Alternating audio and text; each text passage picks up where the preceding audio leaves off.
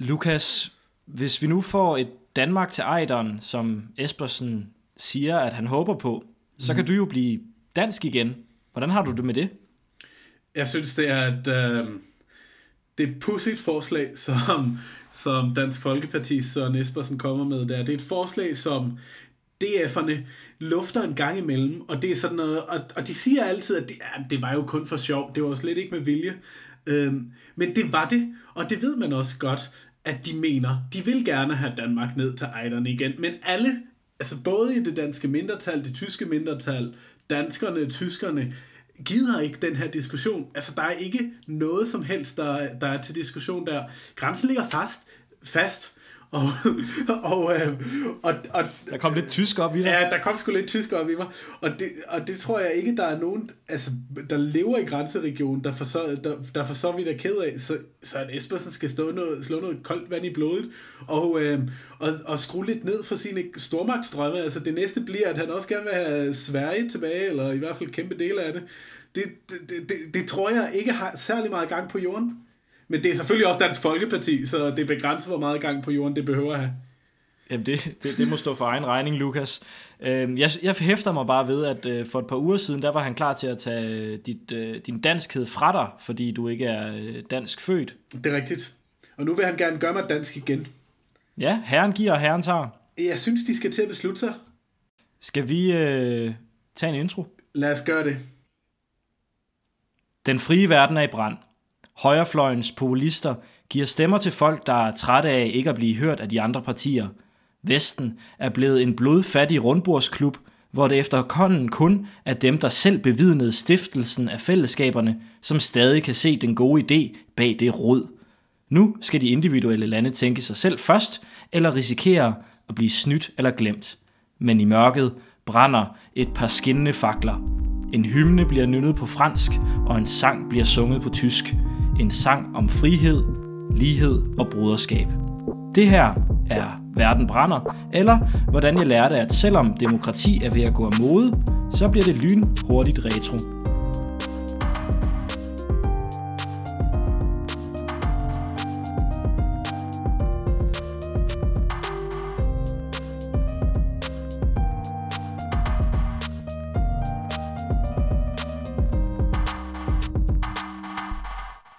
Vi er Jeppe Aumann Øvig og Lukas Lausen. Hvor er øh, du hen i dag? Jeg sidder i øh, Oxford igen i dag efter, en, efter sidste uges detur til London. Og du er formand for det danske udenrigs... Øh, hvad, hvad, hvad kalder I jer selv? Øh, udenrigspolitiske selskab under 35, som vi producerer i samarbejde med. Jamen, efter din forrygende intro, synes jeg, at, øh, at vi skal prøve at starte med at rise op, hvad den liberale verdensorden egentlig er. Fordi noget af det, som alle de her populister og trumpister og sådan noget vil gøre op med, det er noget, vi i det er ikke engang fagjargon, men du ved, journalister og politikere og sådan noget taler om den... Snakkehoderne yes, taler om det her. Præcis, snakkehoderne, the talking heads. De snakker om den, den liberale verdensorden. Og, øh, og jeg synes, det er, det, det er et for indforstået begreb, og jeg synes lige, vi skal pakke det lidt ud. Den liberale verdensorden er i virkeligheden ikke andet en, øh, det system af værdier og institutioner og organisationer, som er blevet bygget op efter 2. verdenskrig. Det er ideen om, øh, at vi har brug for de forenede nationer, at vi har brug for et regelbaseret internationalt samfund, at vi har brug for øh, verdens, øh, Verdensbanken og, øh, og den internationale monetære fond, øh, og at vi at øh, internationalt samarbejde giver noget mere for os alle sammen. At det gavner os, når vi samarbejder, og når vi har åbne grænser, og når vi øh, koopererer med hinanden. Og det gavner os ikke, når vi lukker os om os selv, og når vi forfalder til protektionisme. Mm, for så er det nemlig kun de stærkeste spillere, som øh, får noget ud af det. Som vinder, præcis. Og, øh, og der har vi efter, efter 2. verdenskrig udviklet sådan en, en idé i verden om, at Øhm, for, for at vi kan sikre noget fred i fremtiden, og at vi kan sikre noget øh, fremgang for alle, så bliver de store spillere nødt til at trappe lidt ned, og tage de små spillere, som et land som Danmark profiterer helt sindssygt meget af, øhm, og tage dem lidt mere med ombord. Og øh, vi skal jo snakke om i hvert fald en af de sådan, mellemstore spillere i dag, Frankrig det er en af de store spillere, hvis du spørger mig. Det er jo en, øh, det er en, det er en atommagt, og de sidder i FN's uh, Sikkerhedsråd. Det er en af de kæmpe store ja, spillere, Jeppe. Øhm, fordi at øh, der er jo kommet en ny darling ind på, øh, på scenen. I hvert fald øh, sådan medie, mediedarling, kan vi kalde ham. Ja. Øh, Emmanuel Macron. Præcis, herop til valget. Øh, franskmændene øh, går jo til valg i både i april og i øh, maj, de, så går de faktisk til valg igen i juni og juli. De stemmer mange gange i år. Øh, men første valg handler om, at de skal have valgt ny præsident. Ja, af to omgange. Af to omgange. Der er en masse kandidater til at starte med, og så går de to, der har fået flest stemmer, videre til anden runde.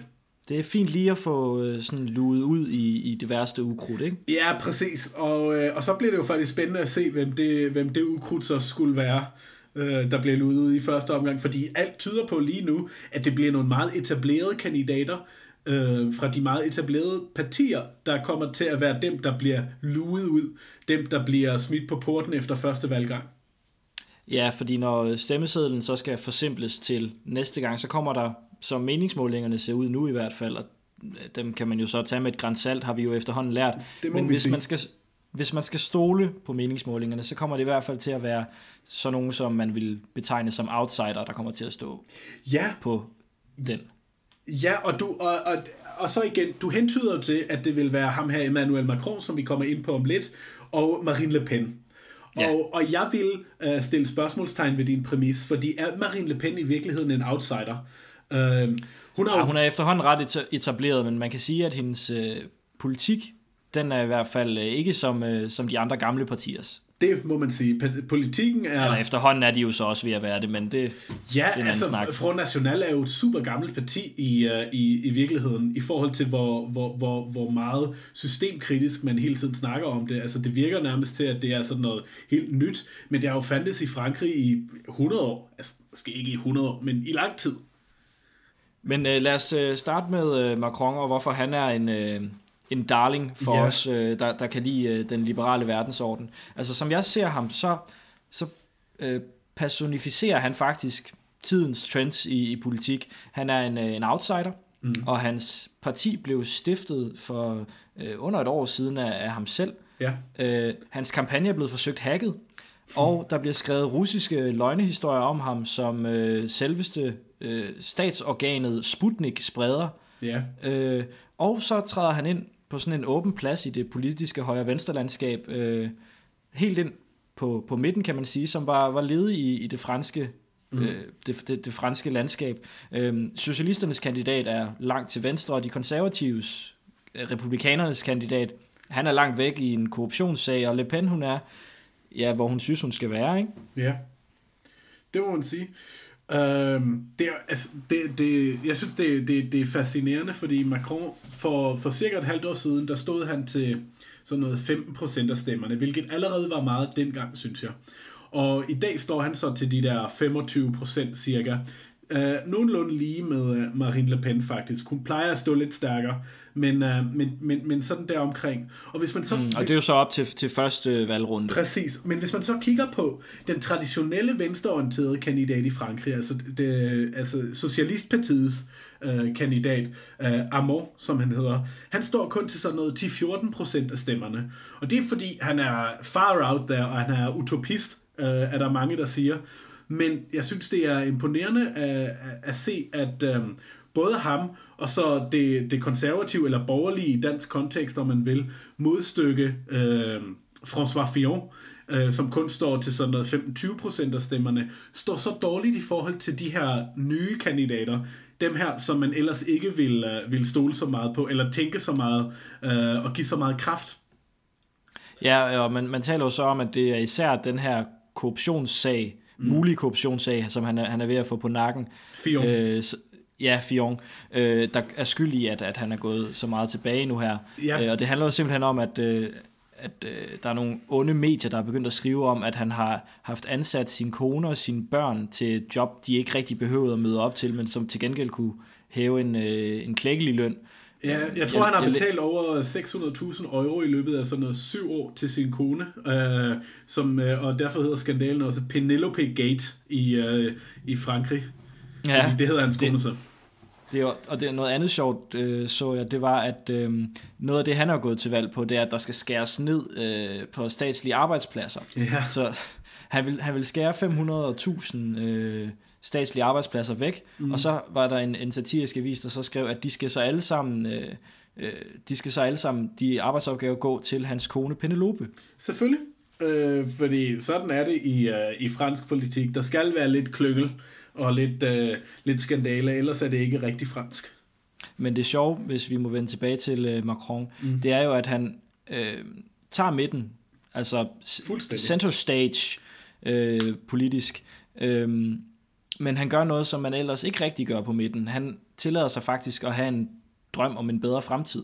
Og han har nogle politiske visioner. Præcis, og det er, jeg synes, det er, det, det er super spændende. Nu har jeg set to af hans taler, øh, de engelsksprogede taler, øh, fordi mit fransk ikke er sådan sønderligt stærk.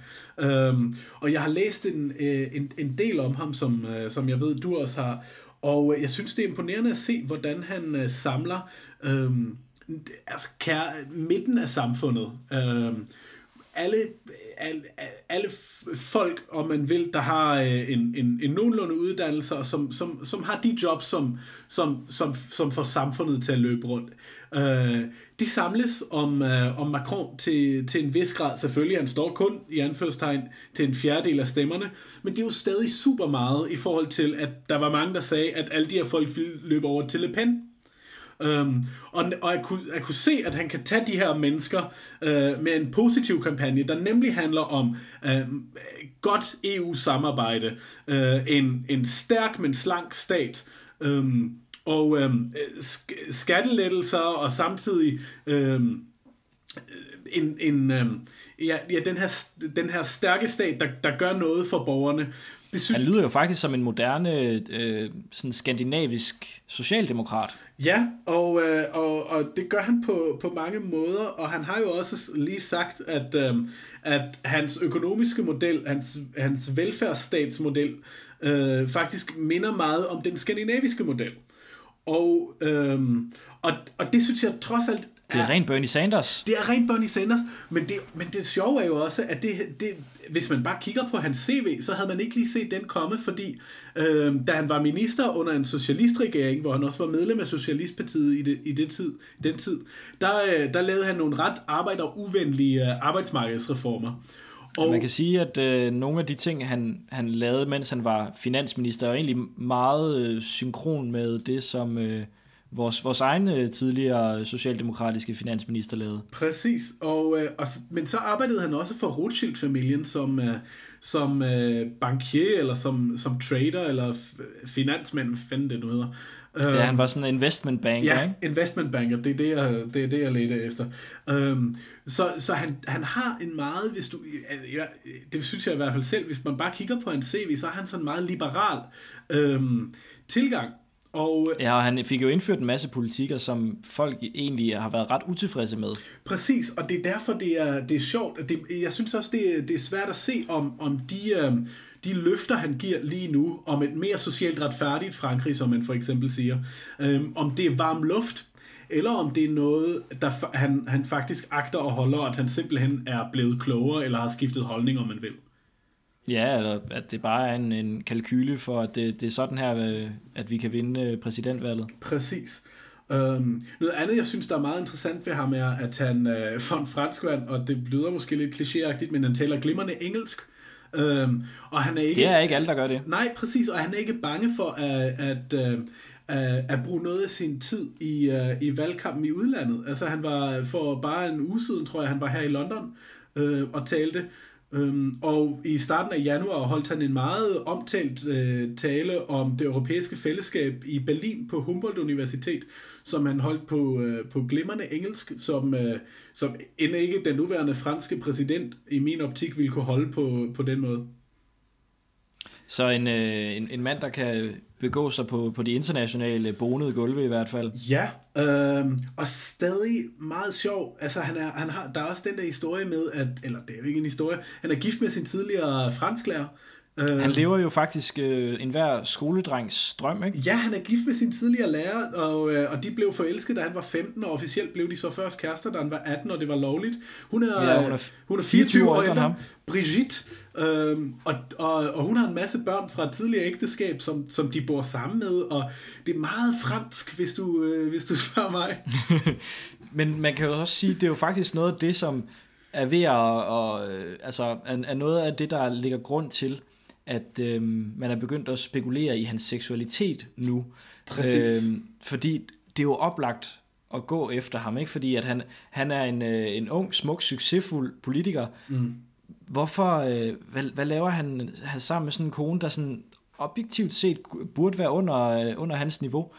Øh, han kunne jo date modeller som en anden Sarkozy, altså, altså så han, der må jo åben, der må jo åbenlyst, det må jo åbenlyst være et skalkeskjul, der må være noget galt, ergo homoseksuel. Og det er jo også det, hvis vi kan, hvis vi kan tale om øh, det her fake news, Ja. øh, det her fake news prædikat, der er blevet slynget ud fra hans, øh, hans kampagnechef. Mm. Øhm, og det var også det, jeg nævnte før med, at øh, Sputnik, det russiske, øh, det, det, det, det svarer til Ritzau eller Reuters, øhm, og er finansieret af, af det, det, russiske, den, det russiske styre, Mm. øhm, som skriver et, øh, et opinionsstykke af, ja, man kan ikke rigtig se, hvem det er, der har skrevet det. Jeg har, jeg har fundet det faktisk. Okay. Men Sputnik har talt med en øh, parlamentariker, og undskyld mit øh, franske, han hedder Nicolas Duic.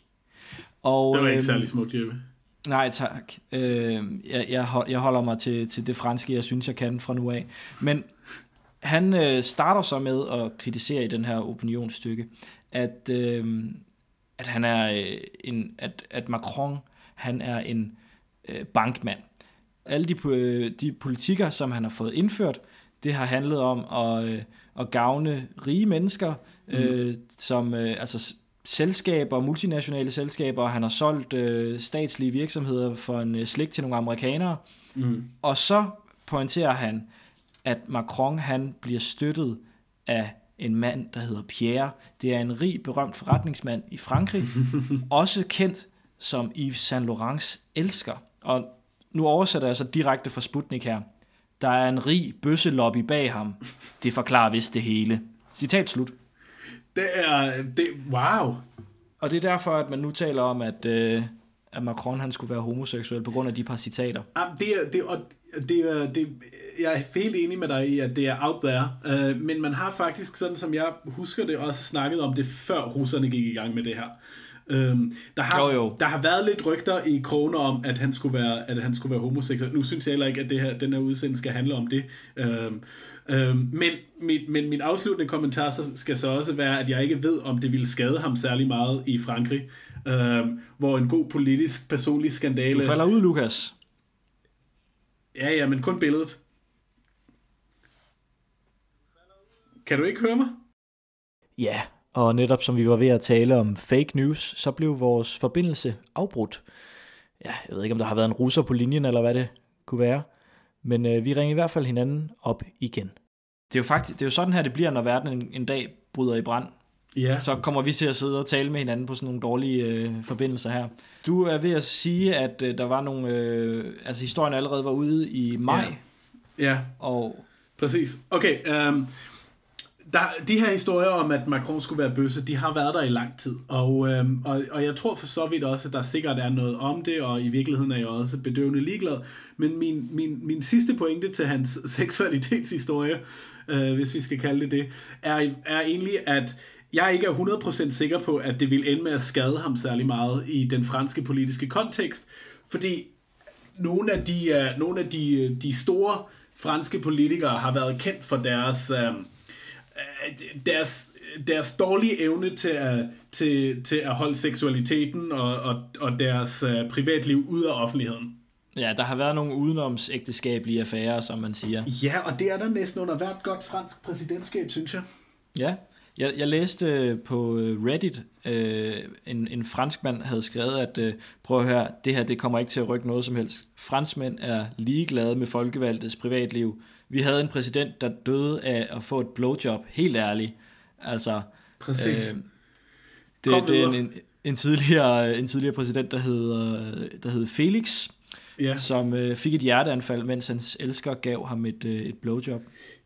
Og godt for ham. Det er, en, øh, altså, det er også en måde at dø, at dø på, ikke? Ja, nu, Øh, en det, sidste ting Ja. til det her øh, homoseksuelle rygte, det er, øh, jeg vil bare gerne lige fremhæve øh, en kommentar, som Macron selv har været ude og give til pressen, hit me. øh, hvor han siger, hvordan skulle det altså sådan rent fysisk være muligt? Altså, jeg skal både have min kone, og jeg skal have øh, min politiske kampagne, og jeg skulle leve et dobbeltliv ved siden af. Hvis der er nogen, der, øh, der tror det, så må det være fordi, at de, mit, mit hologram er sluppet fri et eller andet sted. Åh, der er, ja, ja, han prøver bare at tale udenom. Altså, det kan man, det kan man snilt få, øh, få, få, få gjort. Prøv at se den nuværende præsident, der, øh, der var i stand til, mens han var præsident, at snige ud af Élysée-palæet og, øh, og køre på en, på en scooter igennem Paris' gader for at se sin elsker inde. Meget myndigt. Meget mønt, altså, så kan Macron sgu også godt se en, en fyr et eller andet sted. Men Jeppe, jeg synes, du får os til at blive et, sådan et sladderprogram. Det skal vi helst ikke. Lad os komme tilbage på øh, Ja, lad os komme noget substantielt sladder så. Ja, Øh, fordi der er jo noget med øh, skandaler alligevel, fordi Fillon, som vi fik nævnt, mm. han er jo lidt i en skandale, men det er jo så for, den kan jo så godt få indflydelse på ham, fordi den lugter lidt af korruption. Ja, og det er jo i virkeligheden, øh, og der vil jeg gerne trække en linje til Le Pen også, fordi det der sker, og det der er det interessante ved det franske valg lige nu, er, at det er så åbent, fordi mens, øh, mens Fillon stadig står til ja, sådan noget 25% af stemmerne, øh, og Le Pen står til, til omkring 25% af stemmerne, så er begge de her to lige nu øh, involveret i juridiske slagsmål på grund af... Øh, øh, på- på grund af fusk med penge. Altså, øh, også Le Pen har betalt øh, medarbejdere med EU-midler, som ikke... Ja, det var en- bodyguard, der pludselig var en assistent, var det ikke sådan? Ja, præcis. Og, øhm, og, og det, er jo, det er jo heller ikke helt rent. Og hvis man øhm, og, og begge de her øh, begge de her retssager for, skal åbenbart øh, få åbenbart nogle midlertidige afgørelser eller i hvert fald nogle videre skridt i forhandling i øh, i hvert fald lang tid før valget. Altså i øh, formentlig her en gang i, i midten af marts eller sådan noget regner man med at der kommer noget nyt på, på de her sager. Og det kan altså ende med øh, i værste fald at øh, at de to bliver udelukket eller i bedste fald, om man, om man vil. Men det kan i hvert fald øh, på bundlinjen betyde, at øh, en eller to, eller dem begge, bliver, øh, bliver udelukket af, af løbet, og så er alt jo åbent igen. Og det er jo også, øh, hvad kan man sige, det er lidt, øh, sådan, det, det er sådan rent numbers game, som man kan se, Macron kunne have tænkt mm. til det her, fordi at, at, han, at han kan se, alt tyder på, at øh, Le Pen vil vinde i første runde. Ja. Hun vil få flest stemmer.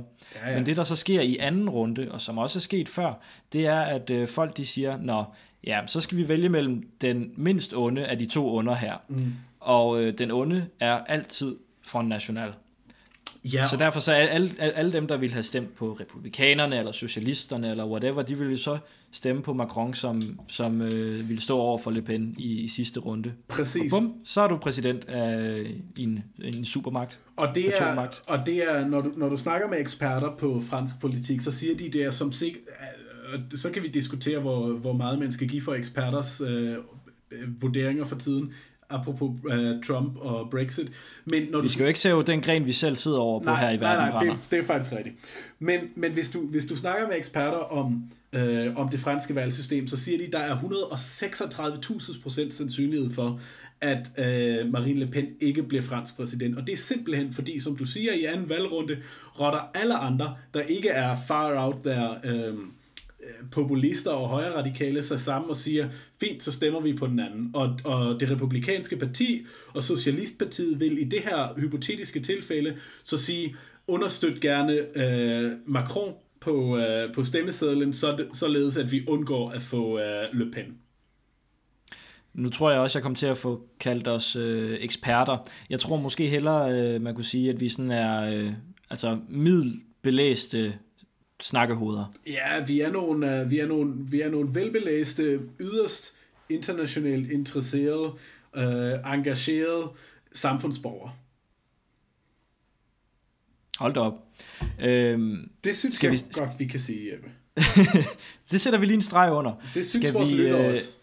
Skal vi have, have talt lidt om, om, hvilken politik Macron ville kunne øh, få ført?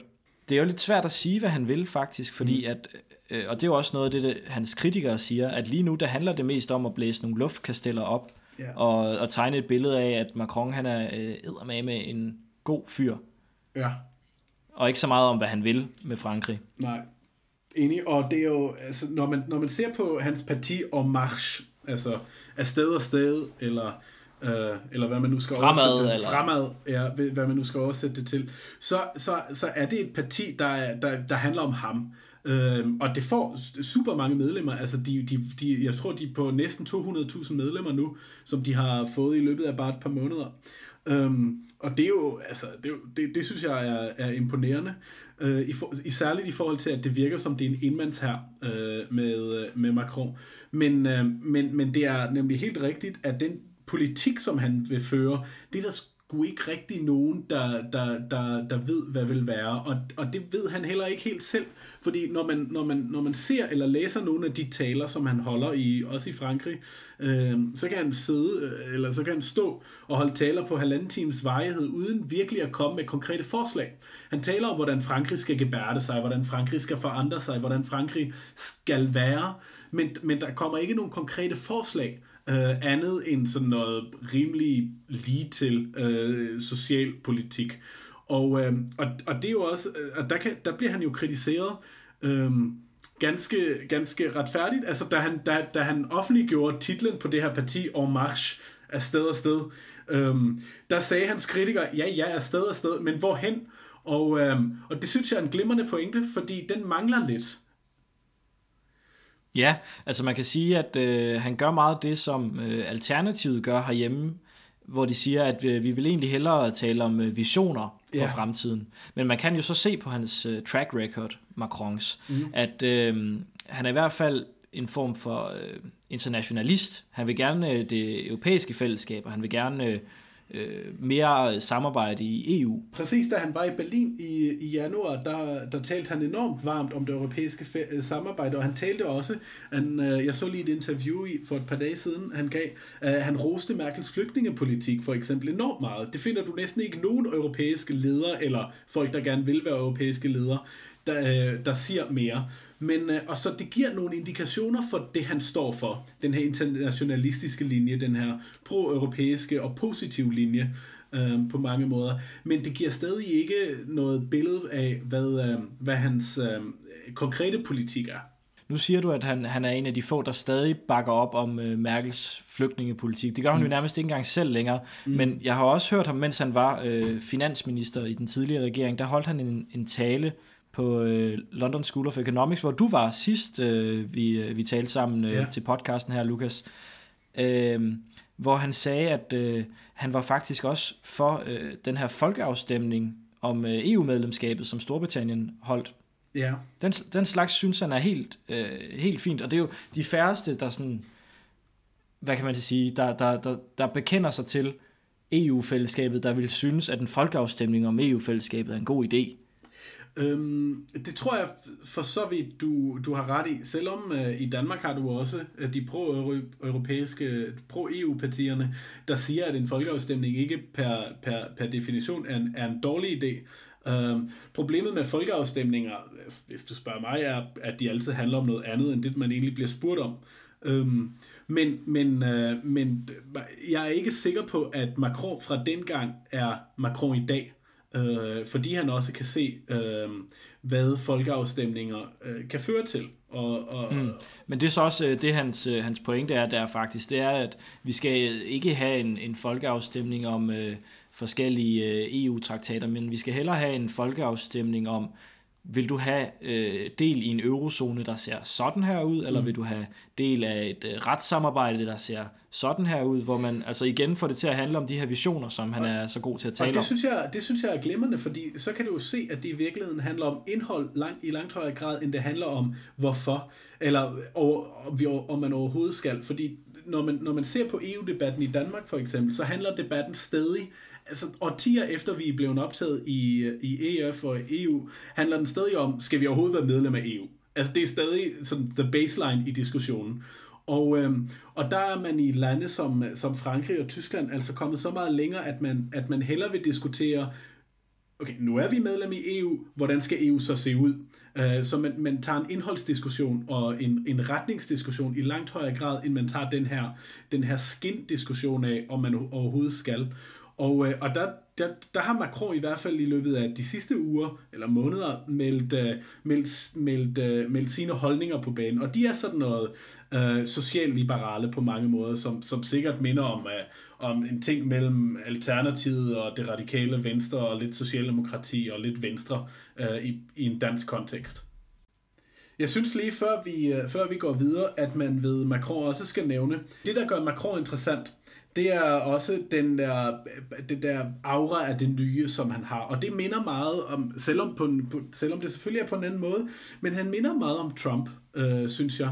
Han er, øh, han kommer, øh, han kommer udefra, selvom, øh, selvom det altså, selvom det primært er et billede, han opholder af sig selv. Han har stadig gået på den der École Nationale Administration, som alle franske politikere har gået på. Det er sådan det er præsidentlinjen i Frankrig. Ja, det er, det, det er ligesom, øh, det er, det er ligesom statskundskab i, i København, og så et job i partiapparatet. Øhm, det er præsidentlinjen i, i Frankrig. Og, øhm, og, og, og, og ligesom Trump er han aldrig blevet valgt til noget øh, før det her. Altså, da han var minister, der blev han udpeget som minister, og, øh, og ligesom Trump er det her hans første, første valg, han stiller op til, og så starter han ligesom med uh, hjemme, hos de, øh, hjemme hos de store med, med at stille op til præsidentembedet. Det synes jeg er um, på mange måder også, det, eller det tror jeg er på mange måder også det, som folk synes er, er så forfriskende på en måde. Og så at se den her, uh, det her oprør fra midten på en måde, i stedet for at se oprøret fra, fra højrefløjen. Uh, det synes jeg er ganske forfriskende. Noget, øh, noget andet, jeg lige vil huske at nævne, nu vi taler om hans, øh, hans fortid, det er det her med, at, at han, han arbejdede jo for, for øh, Rothschild. Ja, Rothschild. Øh, ja, det her, det, altså, at han så også har været øh, finansminister og har solgt øh, en masse øh, franske værdier til, til amerikanerne. Ja. Det er jo sjovt, at det ikke er nok til at diskvalificere ham som en del af Illuminati, øh, frimurloge og tempelridder Sions priori. Det er rigtigt. Altså, Hvorfor er han også begyndt, og hvorfor er det også nødvendigt at, at spekulere i hans seksualitet lige pludselig? Det, det, fordi det er Frankrig. Øhm, men på den anden side, jeg vil huske, at vælgerne husker ikke særlig lang tid. Så, øh, så det, at han engang har gennemført nogle reformer, som ikke var til, til, til, til franskmændenes, den almene franskmands øh, fordel måske, det kan man diskutere, det, det har de glemt for længst. Vi skal have det her øh, afsnit af Verden brænder simultant tolket øh, til fransk med det samme, så kan de få, få, få lyttet til, til det her, inden de går i, i stemmeboksen, vores, øh, vores franske venner. Ja, vi skal næsten gøre det forpligtende lytning, før man går i stemmeboksen. That's why, for me, the key element to move forward is to have a democratic European debate on the vision and the perspective. To have just the courage to go to the country. That's why I, I, like the idea to have a referendum. A lot of people say it's crazy. Fine, but I think it's, at the end of the day, it's sane. We need an actual discussion with our people and present boldly our vision and to say, do we move forward or not? And as a result of this debate, fix the game with some institutions. Lad os tale om øh, noget af det, som uh, Macron er, for mig er et symbol på, nemlig den her, den her øh, trend, øh, som, som i virkeligheden øh, kan ses flere steder, nemlig at, øh, at, at, at demokratiet måske ikke står så skidt til endda. Fordi øh, når både når du... På trods af vores, øh, altså det, det blod, vores blod det pumper for, det er jo, at øh, verden er ved at, at smuldre fra hinanden. Ja, det er dig, Jeppe. Du, du er den negative i det her. Og så er der, så er der mig, der prøver, der prøver at redde verden lidt hen ad vejen. Ja, ja. Jeg prøver at hisse mig lidt ned nu så. Ja, gør lige det. Nej, det jeg, øh, det jeg, egentlig, ville, det jeg egentlig ville sige var, at øh, sådan som jeg ser det, er der mange steder i... Øh, i Europa lige nu, eller i hvert fald nogle steder i Europa lige nu, hvor man, er, hvor man faktisk ser nogle positive kampagner bliver født, Øh, bliver ført. Og, øh, og det er kampagner, der, der ikke er bange for migration, og det er kampagner, der ikke er bange for internationalt samarbejde. Og det er for så vidt præcis det modsatte af, hvad partier som øh, Dansk Folkeparti i Danmark, eller Nye Borgerlige, nu hvor de er kommet til, eller endda Danskernes Parti, hvis de nogensinde bliver opstillingsberettiget, eller hvad Alternative for Deutschland i Tyskland, øh, eller Brexit-afstemning. eller Brexit-afstemning, eller Trump står for. Øhm, og det er, det er et parti, som øh, altså i Tyskland fører, øh, har man både Martin Schulz, der prøver at føre den her kampagne, man har de liberale i FDP, der prøver at føre en, en verdensåben og positiv kampagne. I Østrig har man et lille parti, øh, som hedder Neos, Neos øh, som blev grundlagt for øh, ikke engang 10 år siden, øhm, men som er repræsenteret mange steder i Østrig. Og de, de her partier har det til fælles, at i stedet for at, at, at prøve at lukke øjne og ører og, og, og grænser især, øh, øh, så, så for, for det, der sker i verden, så prøver man aktivt at gå ind og acceptere og se, at man accepterer, hvad der sker i verden, og så prøver man at modellere en verden ud fra, at det er rammebetingelserne, og hvad vil vi så gerne opnå i den verden. Og, og det er Macron en, øh, en glimrende en glimrende eksponent for, øh, sådan som jeg forstår ham.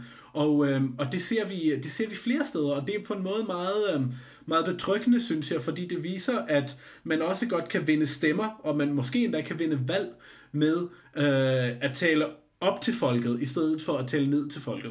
Der skete jo det med en af de her sådan, øh, inkluderende og øh, internationale orienterede bevægelser, som alligevel fik en sejr, hvor øh, bookmakerne ikke troede, det ville ske i Østrig, Ja. øh, da der var præsidentvalg for nylig. Ja, der vandt de grønne. Der var mange, der troede, at, øh, at det ville gå til øh, den højre side af, af, af parlamentet. Ja, øhm, og det gjorde det ikke. Øhm, og det er jo, altså, og, og det var, øhm, det var, det var for mange øh, en, en, en kæmpe stor overraskelse, fordi man, øhm, fordi der bare havde været så meget opildning af den her, øh, ja, højre, øh, højre drejet stemning. Men øh, så endte Alexander van der Bellen, øh, den grønne kandidat, øh, så med at vinde. Også lidt, fordi man gjorde, ligesom man gør i Frankrig, at Øhm, alle de partier, der ikke havde en chance, så, st- så stimlede sammen om, om den her ene kandidat, der ikke var den højreorienterede nationalist. Øhm, men, men, men, men på den måde kunne man føre en, øhm, en, en positiv, en, en, en, en, en verdensåben kampagne, der netop accepterede, hvad, øh, hvad der skete i verden, og der sagde, at man gerne vil være en del af det, i stedet for at, øh, ja, at lukke gardinerne. Og det ville jo, altså han var sådan lidt, du ved, han var ikke en kandidat, man regnede med. Det var, ville være lidt som at gøre Uffe Elbæk til, til dronning herhjemme. Ja, lidt. Uh, særligt fordi Alexander van der Ballen, tror jeg, er endnu ældre end Uffe Elbæk. Uffe Elbæk var jo ikke, ikke sønderlig gammel, men Alexander van der Ballen, han, er, han har alligevel et, uh, et, uh, et par dage på banen, kan man sige. Det er nogle voksne mænd. Men hvis, hvis jeg lige må tage lidt luft ud af din ballon nu så øh, igen. Ah, Norbert. Hofer, Norbert Hofer, han fik jo alligevel 46% af stemmerne. Ja, Og- det, er jo, det var ikke helt skidt for hans parti. Det var faktisk det bedste resultat nogensinde, ikke? Også i Europa øh, for højrefløjspartier, som jo... selvfølgelig. Altså, det, det går generelt bedre og bedre for højrefløjspartierne hister her, men, øh, men, men ikke i, i samme liga.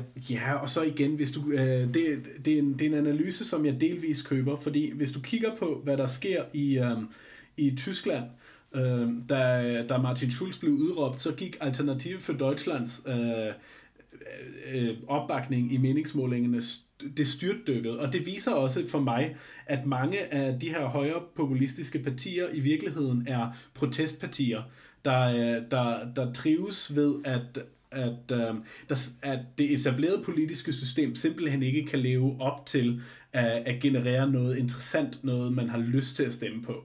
Og, øh, og der tror jeg, Så at det er ikke så meget immigranterne, man er sur på, men det er mere dem, der sidder inde og, øh, og ikke... Og, altså, Ja, det er etablissementet. dem, dem, der er sidder inde og, inde og laver ingenting inde i parlamentet. Det er, det, det, er, det er i høj grad det. Øhm, og så, er der, og så har, har højrepopulisterne øh, bare en enorm god evne til at udnytte øh, en folkestemning. Altså, altså bare se på partiet Alternative for Deutschland.